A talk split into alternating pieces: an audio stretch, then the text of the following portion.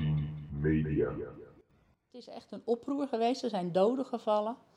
Niet in Maasluis, maar wel elders op de Zeeuwse eilanden. In Walger is het ook heel erg geweest. Maar je moet je dus voorstellen dat kerkdiensten verstoord werden. En niet zo zuinig ook. Dat ze, dat ze schreeuwend binnenkwamen. Dat er eh, de halve noot en de hele notenzangers door elkaar heen zaten te zingen. En zo hard mogelijk om, eh, Om maar boven de ander uit te om boven de ander uit te komen. Dus dat, dat, dat is een, ja, dat is een, een, een zooi geweest. Dat, dat, is, dat hou je niet voor mogelijk. regent weer in Maasluis. Ik ga, ook al kom ik ooit weer thuis.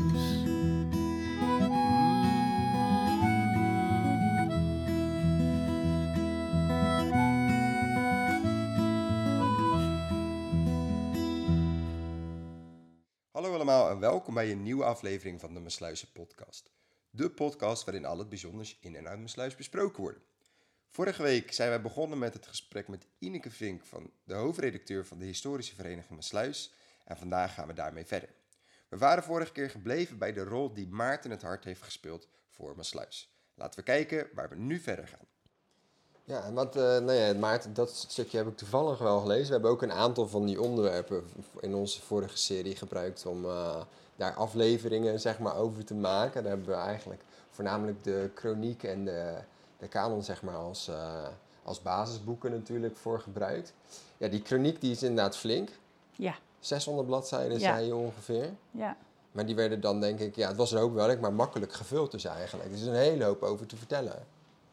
We hebben gekozen om het per wijk en per straat te beschrijven. Dus een stukje over de, een stukje algemene nou ja, wereld of Nederlandse geschiedenis. Hoe Maasluis daar dan in past, de geschiedenis van Maasluis. En vervolgens per wijk de, de straten. Waar komt de naam vandaan? Wat betekent het? Fotootje ervan, erbij. Ja, we hebben ontzettend veel foto's ge- gemaakt. Dat, ja, het, is echt een monsterproductie geweest wat dat betreft. Er zitten ook wel foutjes in, ja, dat is niet te voorkomen natuurlijk. Nee, ja, nou ja, foutjes, ja, dat zullen dan misschien dingen zijn die achteraf achterhaald zijn. Bedoel je dan zoiets? Of foutjes nee, waar je achteraf achter Ja. waar je op gewezen wordt. En dat is dan wel leuk. Want dan krijg je dus een respons van mensen van, ja, eh, dat en dat. Nee, die foto, die klopt niet. Of wat daar staat, klopt niet.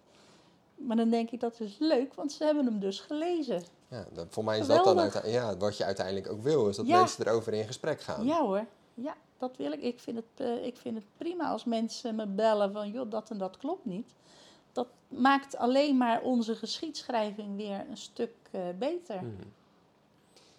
Ja, nou ja, dat is denk ik uiteindelijk wat je ook wil bereiken met zo'n boek. Is dat wat je mensen, dat hebben wij op school natuurlijk ook wel een beetje. En niet zozeer dat wij zelf boeken schrijven, maar ja, dat mensen wel in discussie gaan en daardoor nou ja, eh, in gesprek gaan over onderwerpen en nou, eventueel dingen verbeteren of leren of wat dan ook. Ehm, en ik weet toevallig van nou ja, die, die kanon, die heb ik dan helemaal gelezen. Die chronieken, daar ben ik eh, nog niet doorheen gekomen, maar en wat is nou in jouw optiek misschien een van de meest eh, roerige tijden geweest voor Maasluis? Of de meest sturende, want je had het net over nou ja, sturende momenten. Ja, als je het over roerig hebt, dat is natuurlijk absoluut het psalmenoproer geweest. Ik weet niet of jullie het er al eens eerder over gehad hebben. Hebben we het nog niet uitgebreid over gehad. Het is terloops wel eens ter sprake gekomen. Nou, dat is wel leuk, want het is een boek wat we hebben uitgegeven en dat zie ik hier niet tussen liggen. Het dagboek van Hendrik Moerings. Er is een, ik zie het daar in de kast staan, eh, bovenin. Links. fotograaf pakt het even. Iets bij je linkerhand. Oh, ja. Dat is een dagboek uit de 18e eeuw van een Maasluisse kleermaker. En hij was katholiek. Dat was natuurlijk al een, een, eh, ja, een uitzonderingstoestand. Ja, dat was een dingetje. Het is niet echt een dagboek, het is, we hebben het zo genoemd. Hij heeft zijn, zo eh, in 1709, zeg maar kort voor 1800, heeft hij zijn memoires opgeschreven. Hij heeft in één keer zijn hele leven, hij was toen een jaar of 45, 40, 45, heeft hij alles opgeschreven wat hij had meegemaakt in die afgelopen jaren en wat hij ook had horen vertellen. Dus er zitten Er zit een stukje geschiedenis in, wat hij dan weet, maar ook de Franse tijd, dat de Fransen maar sluis binnenkomen. En hij heeft dat dus zelf meegemaakt. Hij vertelt dat. Ook het psalmenoproer 1785, als ik het goed heb uit mijn hoofd. Dat was het verhaal van de lange en de korte noten. De lange zingtrand en de korte zingtrand. Ja, je kijkt nog een beetje. Ja, nee. ik zie vraagtekens in je ogen. zeker- ja, ik heb ook vraagtekens. ik moet nog een stapje terug doen. De gereformeerde kerk, er werd gezongen, maar zonder orgel, want dat mocht niet van Calvijn. Dat leidde maar af van de, waar het werkelijk om ging. En het idee was gegroeid, hoe langzamer en hoe harder je zong, hoe eerbiediger het was. Dus er werd op hele noten gezongen, wat we dan nu zeggen. Nou, een hele noot duurt vier tellen. En als je die dan ook nog een beetje oprekt, dan duren de psalmen ont- ontzettend lang als je die zingt. Maar Sluis was een vissersplaats, dus de vissers waren dat gewend. En als de vissers eh, naar zee gingen, dan waren ze wekenlang op zee. En op zondag mocht er ook niet gewerkt worden. Dat mocht thuis niet, mocht op zee ook niet. Al zaten de netten barstens vol, ze moesten ze laten hangen tot eh, maandagochtend. Die zondag brachten ze dan door op een schip. Ze kwamen bij elkaar op een schip. De kapitein las dan een eh, preek voor die hij mee had genomen. En dan gingen ze zingen op hele noten. En ik kan mezelf dan voorstellen van ja, dan was die zondag een uh, lekkere end op streek. Dan kwam hij zo'n dag door tenminste. Dus die vissers waren dat enorm gewend en dat was hun houvast. Als ze op zee waren, waren ze onder elkaar. Ze hadden natuurlijk uh, alleen maar elkaar en ze hadden dat zingen op de langzame zingtrand. Op een goed moment komen ze terug van zee en wat blijkt, in de tussentijd heeft de staat of de synode, ik weet niet meer precies, uh, staat en kerk waren toen nog niet gescheiden, had men bepaald dat, het zingen, dat de noten gehalveerd zouden worden. Er moest wat sneller gezongen worden en dat was wat prettiger voor iedereen. En ze hadden dus stiekem thuis al geoefend in Maasluis, de vrouwen en de kinderen en de oude mannen die achtergebleven waren. Want ze hadden wel het idee dat die vissers dat, uh, dat, die vissers dat vervelend zouden vinden. Nou, in eerste instantie, uh, ja, ja, oké. Maar toen brak er inderdaad een, uh, ja, een, een, oproer los, want die vissers wilden dat niet. Ze beseften van, ja, dit is onomkeerbaar, maar dat willen we niet. Want we zijn ons houvast kwijt als we op zee zijn. Dat is van kwaad tot erger gegaan. Het werd steeds erger. Er zijn ook echt, het is echt een oproer geweest. Er zijn doden gevallen. Niet in Maasluis, maar wel elders op de Zeeuwse eilanden. In Walger is het ook heel erg geweest. Maar je moet je dus voorstellen dat kerkdiensten verstoord werden. En niet zo zuinig ook. Dat, uh, dat ze schreeuwend binnenkwamen. Dat er uh, de halve noten en de hele notenzangers door elkaar heen zaten te zingen. En zo hard mogelijk om, uh, om maar boven de ander uit te om boven de ander uit te komen. Dus dat, dat, dat is een, ja, dat is een, een, een zooi geweest. Dat, dat is... Dat hou je niet voor mogelijk. Ze gingen elkaar ook te lijf op straat, twee partijen. Er zijn dominees gemolesteerd. En uh, dat, ja, uiteindelijk is de baljuw van Delftland eraan te pas gekomen. Dat is een heel zwaar middel, want die baljuw in Delft, dat was echt het hoogste gezag qua politiemacht. Als die erbij gehaald werd, dan waren het halsmisdaden. Dus dat, dat is echt het ja. zwaarste middel wat er was ja, die heeft het uiteindelijk. Hij is ook nog een keer terug moeten komen, want hij kwam alleen met een uh, assistent. Ja, dat was niet genoeg. Hij had echt een hele politiemacht nodig, dan uh, hoe het in die tijd ook heette.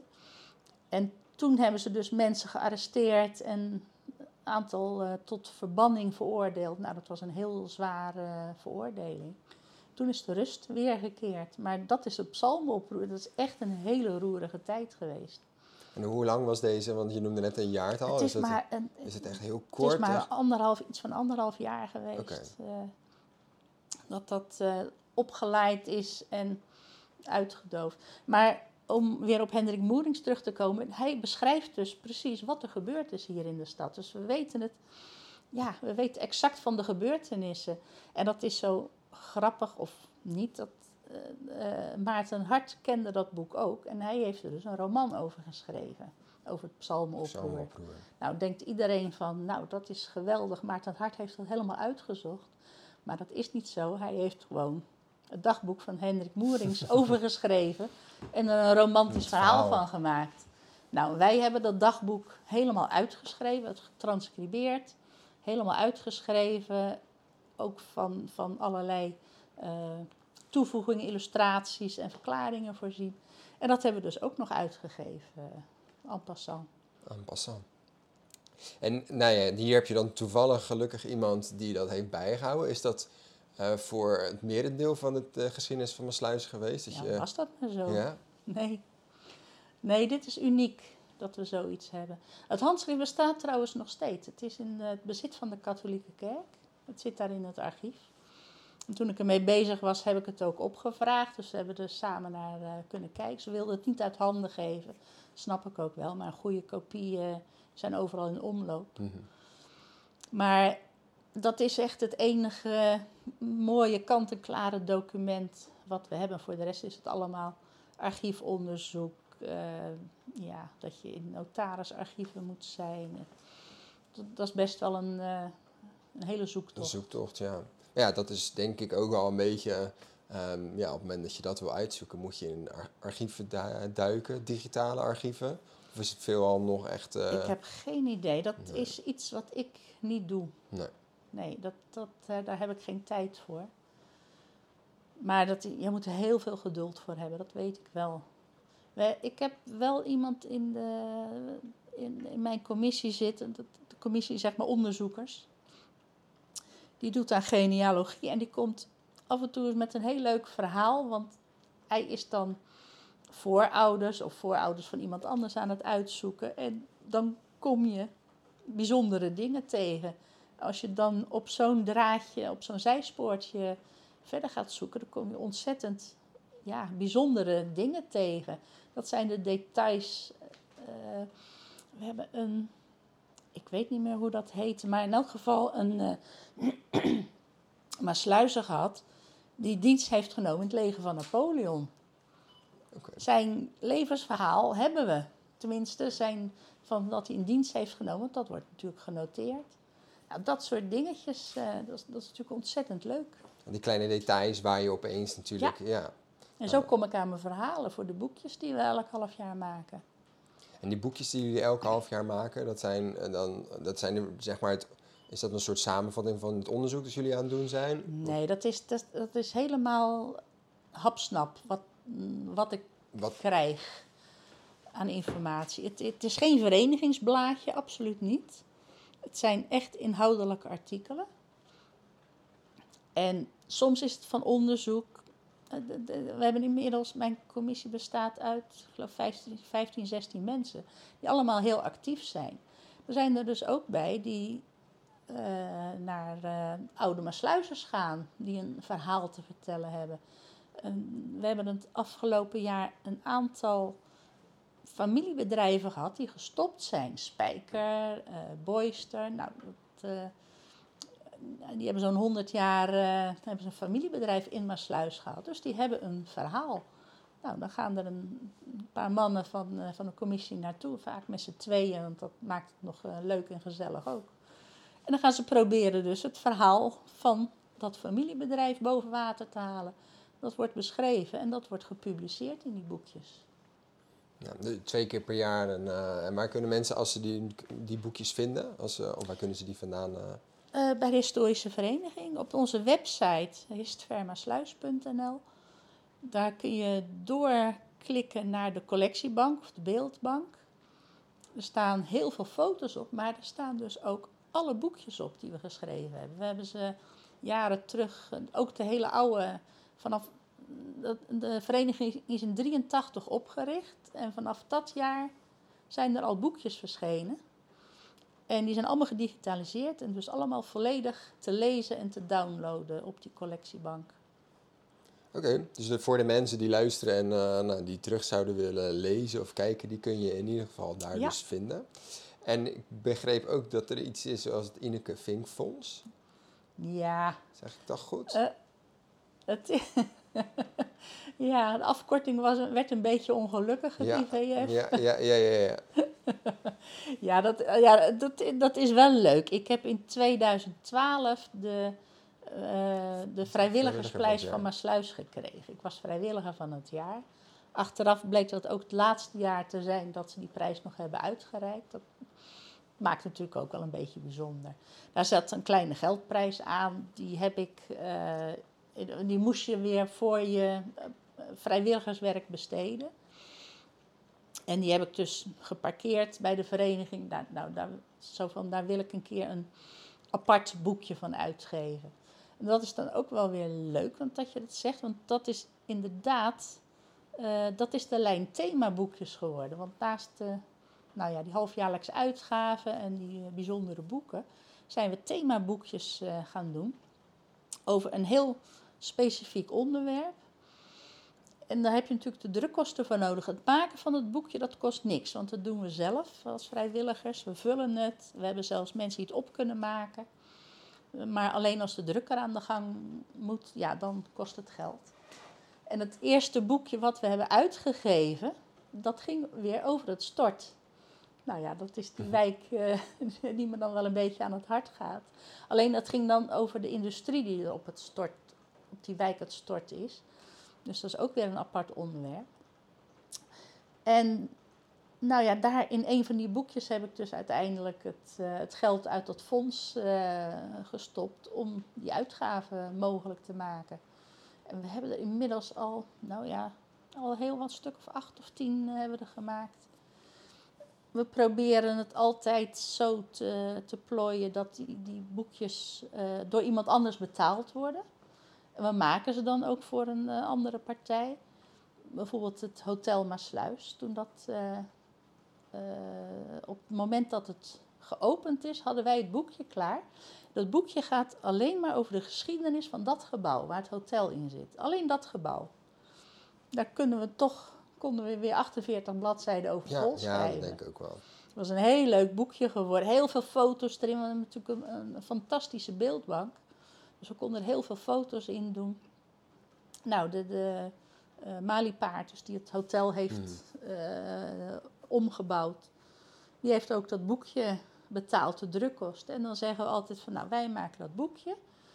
Als tegenprestatie willen we de 1400 hebben voor onze leden. Dan mm. kunnen we al onze leden één gratis boekje geven, hebben wij een leuk cadeautje. En die andere partij mag dan zeggen van nou, dan wil ik er ook uh, eh, 1500 voor. Nou, dan laten we de 3000 maken. Dat, uh, dat is prima. Het boekje is verder van hem dan. Maar ja, zo los je dat natuurlijk wel. Ja, jullie doen het werk. Ja. Uh, en de kosten worden betaald door ja, de, de persoon die het graag zou willen ja. hebben. En die heeft dan weer een heel leuk ja, iets om weg te geven. Ja, of nou, ook in het hotel. wat ze mee mogen doen. Zeker, nou ja, ik denk ook zeker. Natuurlijk zijn er heel veel plekken in mijn sluis waar veel over te vertellen is. Maar ja, waar dat, dat pand is natuurlijk sowieso heel veel over te ja, vertellen. Ja, het is een prachtig pand. Ja. Ja. Dus. ja, wat zo leuk is dat als je daar dan mee bezig bent, iedereen weet dat en dan krijg je ook tips en, en verhalen van mensen die, die mij weten te vinden. Mm. Maar bijvoorbeeld Willem van der Hidden, die uh, nam contact met me op. Hij zegt, ja, ik ben geboren in dat pand, want mijn vader werkte voor de loodsdienst. En zij, er waren dus een aantal huizen. Nou, dat wist ik niet, dus ik had weer een stukje informatie. Hmm. Ja, hij zegt, en ik woon in, eh, als je foto, dat en dat raam, uh, dat was mijn kamer, daar woonde ik. En ik zei, ja, dat, ja, hij zegt, ik vind het prachtig dat er een hotel van gemaakt is. En, en ik, heb later gevraagd van, joh, heb je het nou wel gezien? Hij zei, ja, ik ben er een keer wezen slapen en had dus een kamer gevraagd, ongeveer op de plek waar, die... waar hij geboren is. Nou, dat is toch ontzettend leuk dat zo'n kringetje rond is.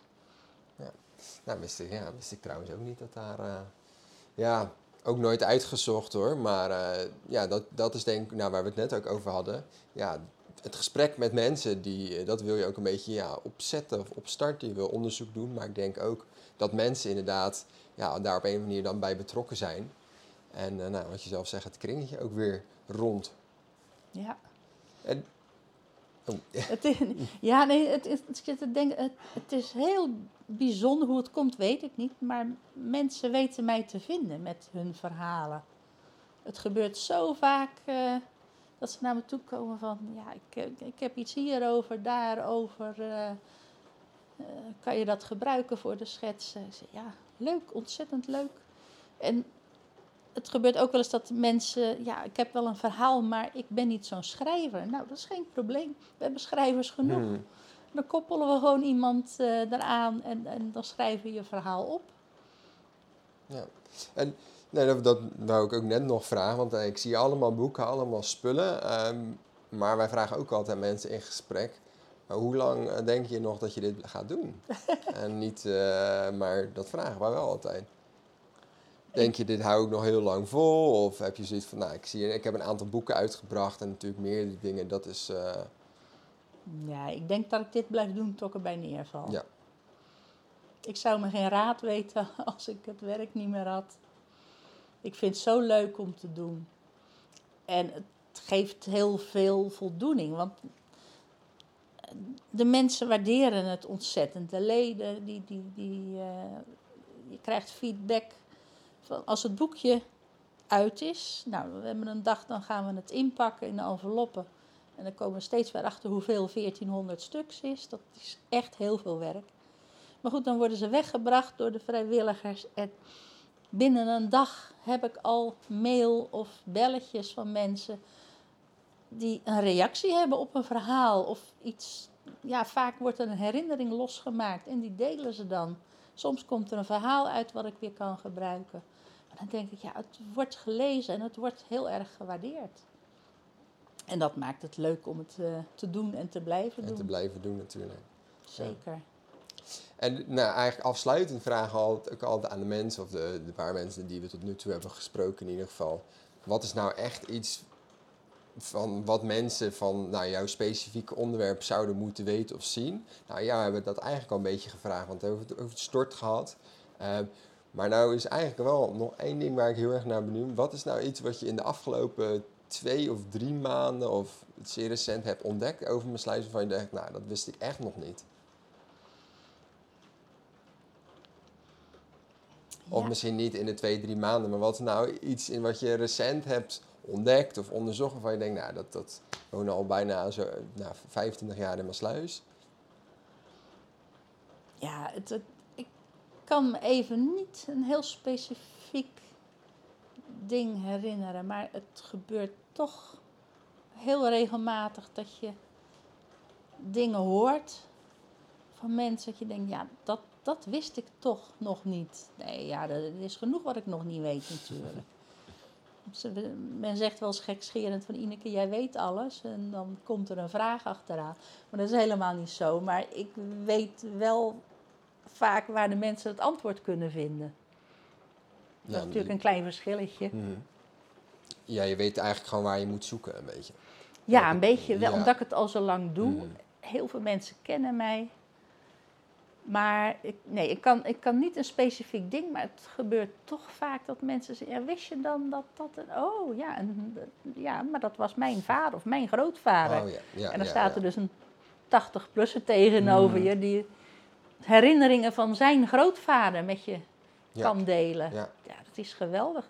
En dat maakt Maasluis ook heel eigen. Heel, Maasluizers zijn heel erg betrokken bij elkaar, bij, bij de stad, eh, bij hun geschiedenis. En dat Ja. soort dingen, dat, dat delen ze dan met je. Ja, dat is geweldig. Ja, en uiteindelijk, daar hadden we toevallig vorige week ook over met de kosten, hè, of eh, met, met de woonnaar misschien ook wel. Uiteindelijk is mijn sluis ook, er wonen bijna 40.000 mensen, om dan 35, maar eigenlijk is het gewoon nog een beetje een dorp. Want ons kent ons, ik merk dat zelf ook. eh, ja, heel veel mensen blijven ook in Maasluis wonen, merk ik. Als ik dan even kijk eh, naar, nou ja, weet je, de mensen van eh, mijn leeftijd. Ja, het is toch, wat jij, ook, wat jij zei ook aan het begin, ja, ik voelde me gelijk thuis in Maasluis. Ja, Ik denk dat heel veel mensen dat wel zo ervaren. dat denk ik ook. Nou, het is, je ziet het ook vooral aan de, hoe onze leden verdeeld zijn. Want van die 1400 leden zijn er 250 buiten Maasluis. En dat is best heel veel. Mhm. Maar dat zijn allemaal mensen die eh, graag verbonden blijven met Maasluis. En dan merk je, ik, want ik krijg dus heel vaak reacties van mensen uit eh nou ja, andere kant van het Mhm. land. En dan toch alsof ze in Maasluis wonen en alles meemaken. Ze blijven erbij betrokken. En dat boekje van ons, elk half jaar, dat is kennelijk ook een, een, een lijflijntje wat ze dan hebben met Maasluis en met de geschiedenis. Ja, ja dat, denk, dat denk ik ook echt. Wij hebben toevallig ook wel eens in contact met iemand gehad eh, die ook luistert naar onze podcast. Zuid-Spanje bijvoorbeeld. Ik heb, wij hebben ook een kaartje, dan kunnen we precies zien waar wordt geluisterd. En in eh, Texas ergens zitten twee, in ieder geval mensen ver van elkaar, maar die toch elke week luisteren. Dus eh, Wat leuk. mochten ze bij deze luisteren, we weten dat jullie er zijn. Dan doen we ze de groeten bij Doen ze, deze. doen ze de groeten. Maar eh, ja, ik kan me wel voor. Ja, ik denk toch dat dat een soort Maasluis dingetje is. En misschien ook wel in andere steden hoor. Maar ik merk het hier vooral heel erg. Mensen zijn betrokken. Mensen blijven hier ook graag wonen. Dat valt mij heel erg op. Ja, klopt. Ja. Mensen voelen zich toch gauw betrokken bij, bij Maasluis. En, en ook omdat Maasluis nog een zelfstandige gemeente is, zijn alle lijnen heel kort. Mm. Alles is heel direct. Dat, dat merk je ook. Dat is ook heel erg fijn. En daarmee eindigen we deze aflevering van de Masluizen podcast, waarin wij verder zijn gegaan in gesprek met Ineke Vink, de hoofdredacteur van de historische vereniging Masluis. Uiteraard willen we Ineke nogmaals bedanken voor haar bijdrage en hopelijk vond je het informatief en leuk. Voor meer vragen kun je ons ook volgen op Facebook of Instagram en voor nu bedankt voor het luisteren. regent weer in Maasluis. Ik ga, ook al kom ik ooit weer thuis.